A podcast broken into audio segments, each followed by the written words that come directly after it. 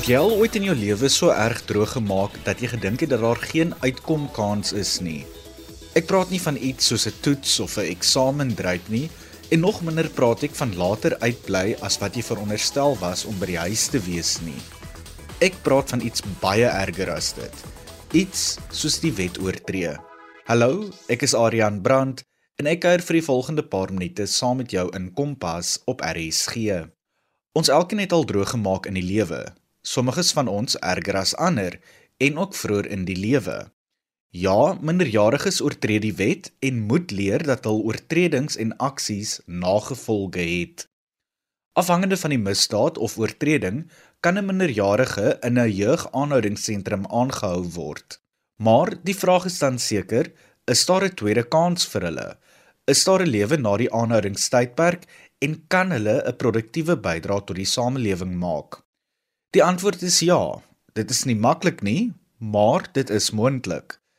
Volgens internasionale wetgewing wat Suid-Afrika ook insluit, is die doel van jeugaanhoudingssentrums om minderjariges nie net te straf nie, maar om hulle ook te rehabiliteer en 'n tweede kans te gee om 'n produktiewe bydrae tot die samelewing te maak. In vanaand se program kyk ons so 'n bietjie na hierdie onderwerp, tweede kansse asook jong mense wat al die wet oortree het. Ek gesels vanaand met Christian Harmse, 'n jeugmentor, gemeenskapswerker en motiveringsspreker van die Kaap wat op 'n daaglikse basis met jong oortreders werk. Ek en Christian gesels eers oor sommige van die oortredings van jong mense wat veroorsaak het dat hulle in aanhouding is, die bende probleem onder die jeug, as ook of daar hoop is.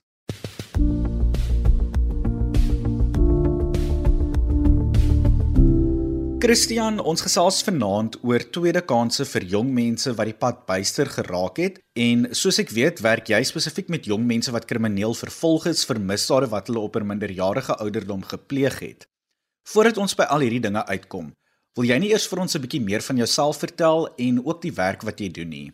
Goeienaand. Ek is dankbaar, ek is bly dat ek deel uit kan maak van hierdie program. Ek is 'n godvreesende man en hou daarvan om met jong mense te kommunikeer My werk is van so 'n aard dat ek elke dag met jong mense veral kan praat. En hierdie seuns het soms verskriklike oortredings, maar die Here verlang van my om hulle te leer aangaande sy wil en saam met hulle die pad te stap sonder om hulle te oordeel en net vir hulle te wys wat die liefde van Jesus inhou. Ek is ook 'n um, student by die Huguenot College. Ek doen tans my higher certificate in theology Ek het nog 4 vakke om te voltooi om oor te skakel na my graad. Ek wil graag 'n kapelaan word. Om 'n kapelaan te word, moet ek ten minste 'n graad in opleiding hê. Um ek is ook oorspronklik van die Noord-Kaap, klein dorpie wat genoem word Richmond. Ek is trots waarvandaan ek kom. Ek het ook in 5 provinsies al gewerk, gemeenskapswerk gedoen. In Limpopo, Noordwes, die Oos-Kaap die Noord-Kaap en selfs nou die Wes-Kaap. Christian is absoluut wonderlike werk wat jy doen en ek dink dit is so belangrik dat ons hierdie kwessies moet aanspreek en ons jeug moet help om op die regte pad weer te kom. Soos ek genoem het, werk jy spesifiek met jong misdadigers. Kan jy vir ons 'n paar voorbeelde gee van sommige van die omstandighede en die agtergronde van waaruit sommige van hierdie jong mense kom en ook hul oortredings. Ek weet jy mag nie spesifieke name en gevalle noem nie, maar net so 'n basiese agtergrond vir die luisteraars oor wat hierdie jong mense gedoen het. Wel sommige van hierdie seuns kom uit gegoede huishoudings. Hulle het van alles gehad en alles gekry en was deur verkeerde vriende verkeerdliks beïnvloed. Dan kry ons seuns wat uit gebroke huishoudings kom. Ouers is geskei. Seuns is gebroke en soek vriende om te luister en raak betrokke by verkeerde vriende en word misbruik. Sommige kom uit enkel ouer huishoudings waar net die ma of soms die pa moet voorsien. Hulle word alleen gelaat en raak betrokke by verkeerde vriende. Sommige kinders raak betrokke omdat daar geheel en al niemand is wat vir hulle omgee. Niemand stel belang in hulle nie. Hulle doen dinge en sluit by verkeerde groepe bloot om te oorleef. Die verskillende tipe misdade wissel van diefstal, inbrake by huise, winkels en so voorts, moord, verkrachting, aanranding. Nou, ons weet dat ons jeug uit moeilike omstandighede kom en dat sosio-ekonomiese en sosiale omstandighede soms ons jong mense forceer om na misdaad, geweld en ander dinge te draai om sodoende te kan oorleef. Ek dink nou hier byvoorbeeld aan iets soos bendes wat groot beloftes maak van geld en rykdom. Hoe erg is die bende probleem onder die jeug waarmee jy werk? Ja, dit is een van die grootste invloede wat lei tot hier bende probleem onder die jeug waarmee ek werk is baie erg. Wanneer misdadigers in 'n oorlewingsstryd gaan maak hulle ander mense bang deur intimidasie. Om sodoende hulle self te beskerm teen die dinge waarvoor hulle bang is. Veral gangsters intimideer ander jeugdiges om te doen wat hulle gedoen wil hê. Byvoorbeeld om dwelmsmyle of seksslawe te word met die bedreiging van geweld, die dood of geweld teen hulle families. Die slagoffers wat geïntimideer word, voel hulpeloos en mag selfs by 'n ander bende aansluit vir beskerming. Dit verhoog die siklus van meer misdade wat gepleeg word, geweld en moontlike dood.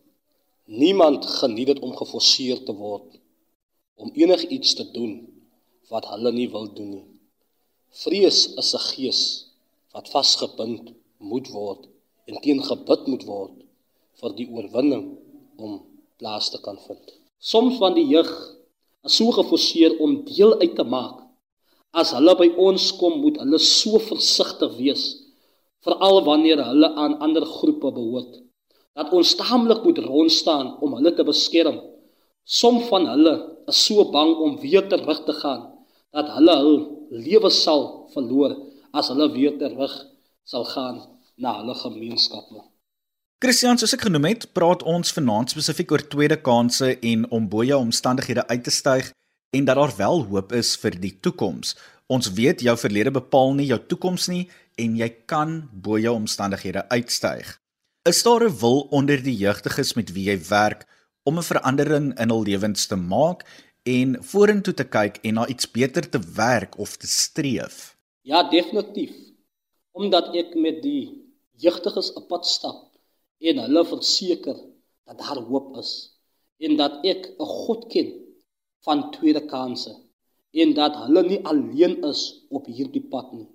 Ons doen ook konstruktiewe programme met hulle om hulle te help om hul skool opvoeding te voltooi of op koers te hou. Dan ook ander geleenthede waar ons hulle verskillende vaardighede leer wat hulle kan beoefen en kyk waarvan hulle hou. Die programme wat ons tans aanbied is soos volg: The President's Award for Youth Empowerment, Activate Change Drivers, Bright Star, Zest for Life. Christian, miskien is daar iemand wat vanaand ingeskakel is wat dit dalk oorweeg of wat moontlik in die versoeking gestel is om met die verkeerde elemente betrokke te word. Wat is jou raad aan hierdie jong mense? My vriend, jongeling, u wat my stem kan hoor. Die Here het bestem dat u vanaand ingeskakel moet wees met my stem. Dit is die stopstraat waar die Here jou vanaand wil ontmoet en jou 'n kans gee U word nou miskien gedruk om verkeerde vriende of keuses te maak, maar Jesus roep vanaand na jou en sê: "Draai om my kind. Jy het 'n vriend in my. Ek is nader as wat jy dink." Die Here wag om van jou daar te wees, maar jy moet jouself ook 'n kans gee om Jesus beter te leer ken. Ek wil die jeug leer dat elkeen van hulle baie spesiaal en uniek is. Dit is belangrik dat die jeug moet verstaan dat hulle moet hulp soek en praat as iets hulle pla en ook dat hulle besef dat elkeen van hulle 'n doel op hierdie aarde het en dat God hulle geskaap het met 'n doel. Alles is oorwinbaar. Maak nie saak of dit siekte, kanker of enige ander struikelblok in hulle lewe is nie. Daar is 'n oplossing vir elke ding wat 'n mens deurmaak in die lewe. God is in staat om alles te verander elke struikelblok waar jy weerhou van jou deurbraking, van jou sukses af, God is in staat om oorwinning te bring in elke situasie waar jy gaan.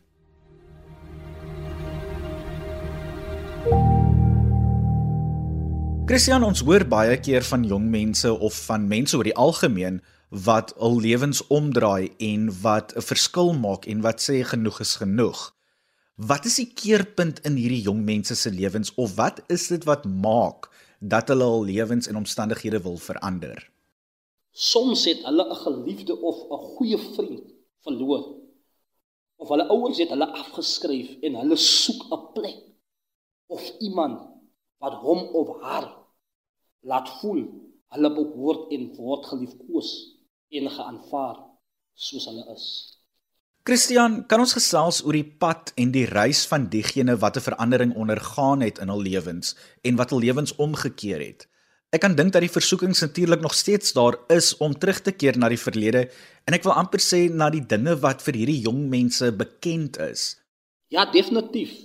Hulle word sommer baie beroof Maar ek bemoedig hulle altyd dat hulle net hulle oë gefestig moet hou op hul doel voor oë en op die Here moet vertrou en raadpleeg vir elke besluit. Om 'n verandering te ondergaan is nie 'n maklike proses nie. Dit gaan gepaard met harde werk, deursettingsvermoë, uithou vermoë, opofferings. Ek dink stellig dat die versoekings baie erg gaan wees as wat dit in die verlede was. Kom ons kyk na die verskillende uitdagings en versoekings wat daarmee gepaard gaan. Jou leefstyl wat nou moet verander. Jou vriendekring wat jy ook stelselmatig moet verander. Wat doen jy in jou spaartyd? Negatiewe gewoontes wat moet afgestaan word. Nou natuurlik is daar mense wat weer die pad byster geraak het nadat hulle hul lewens omgekeer het en die versoeking aanvaar het om terug te keer na die verkeerde dinge toe in die lewe. Hoe lyk die pad vir hulle? Is daar hoop vir hulle? By ons hemelse Vader is daar altyd hoop. Hy beloof in sy woord dat hy sal ons nooit begewe of verlaat nie. En in ons swakheid moet ons net op die Here vertrou. Vir alles en nie op ons eie insigte steun en dat die Here sy krag volbring in ons swakheid. As iemand die pad byster raak, is daar altyd hoop. Terwyl ons praat, sien, hoor, asemhaal, is daar hoop. Ons kan slegs ophoop as die persoon sy laaste asem uitblaas. So ja, mense gaan terugval, maar ons moet aanhou help aanhou inspireer, aanhou hoop totdat God sê is genoeg. Ons dien immers 'n God van 'n tweede, 'n derde en 'n vierde kans. Christian, wil jy nie vir ons inspireer met 'n paar suksesverhale wat jy teëgekom het in jou werk nie? Natuurlik is daar jong mense wat hul lewens omgekeer het en wat steeds op die regte koers is. Een van ons pragtigste suksesse waar die Here 'n radikale omswaai gemaak het in 'n jong man se lewe is besvolg. Die jong man, 18 jaar oud, was betrokke by bendemisdade. Sy ouers het hom wegverbaan van hulle huise. Hy het niemand gehad wat hom besoek het of enigsins belang gestel. Ons span het hom bemoedig om nie hoop op te gee. Ons het hom bygestaan om sy skoolopleiding te voltooi en sy droom te verwenslik om eendag te gaan studeer om 'n sportafrigter te word. Ons sentrum bied AET klasse aan aan skool soos ons dit ken. Hy het al sy vlakke gedoen en eksamen geskryf. Hy was so gefokus en het homself eie gedryf om net sy beste te lewer. Hy was top in sy klasse wat hy bygewoon het. Hy het toe gaan studeer in sportbestuur. En ons het toe probeer om hom 'n geleentheid te kry by Kruislus. Hy is nou gesondheidsafrigter en doen nou praktiese opleiding saam met sy ander maatjies by die sentrum. Christian, ons moet groet so ten slotte. Wat is jou boodskap aan jong mense daar buite wat in moeilike omstandighede is en het jy enige slotgedagtes wat jy met die luisteraars wil deel of wat jy dalk net met die luisteraars wil los?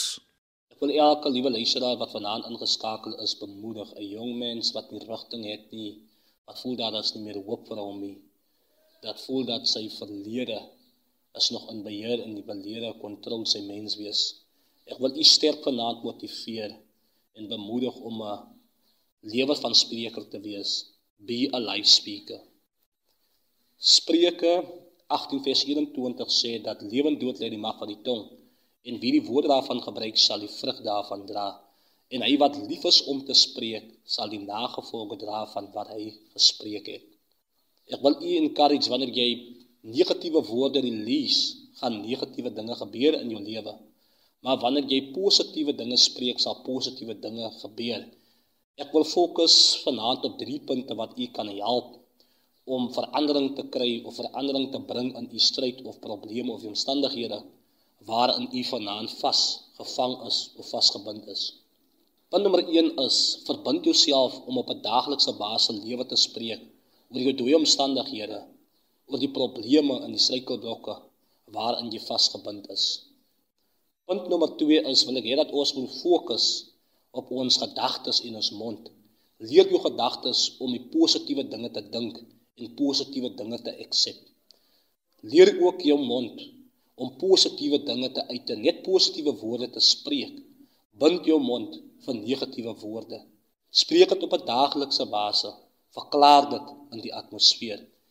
Punt nommer 3 is oefen op 'n op 'n daaglikse basis om nuwe statements te maak oor jou lewe, oor jou drome, oor nuwe dinge wat moet gebeur in jou lewe. Byvoorbeeld kom ons kyk na statements wat jy kan verklaar in die atmosfeer. Wanneer jy 'n positiewe woord verklaar dit in die atmosfeer, dan kan niemand dit probeer stop of keer wat jy verklaar het nie. Groot dinge is besig om te gebeur met my. Ek is special, ek is uniek. Ek gaan 'n verskil maak in my gemeenskap. Ek gaan 'n verskil maak in my werkplek. Oral waar ek sal beweeg, sal ek verskil maak in baie mense se lewens. Ek is gemaak om uit te staan. Ek is gemaak om my doelwitte te bereik in die lewe. Ek het 'n doel op hierdie aarde en ek moet my doel ten volle uitleef. Ek vervang elke negatiewe woord wat gespreek was oor my lewe, oor my omstandighede, oor my toekoms, oor my huishoudings. Ek vervang dit met 'n positiewe en veranderende woorde oor my lewe. Ek wil elke liewe luisteraars encourage vanaand. Ek is beskikbaar as daar miskien mammas is wat probleme het saam met hulle kinders. Ek is beskikbaar om 'n pad saam met hulle stap. Julle is meer as welkom om saam met my kontak te maak. Mag die Here julle seën. Ek wil die gebed van Jabes release oor julle se lewe. Laat u seëninge rus oor julle se lewe. Mag die Here julle se grondgebied vergroot en alles wat julle sal doen wat die Here met julle sal wees en mag die Here julle bewaar van elke onheil en smart en lyding wat julle tref. Mag die Here seën. Geseënde aand. God bless.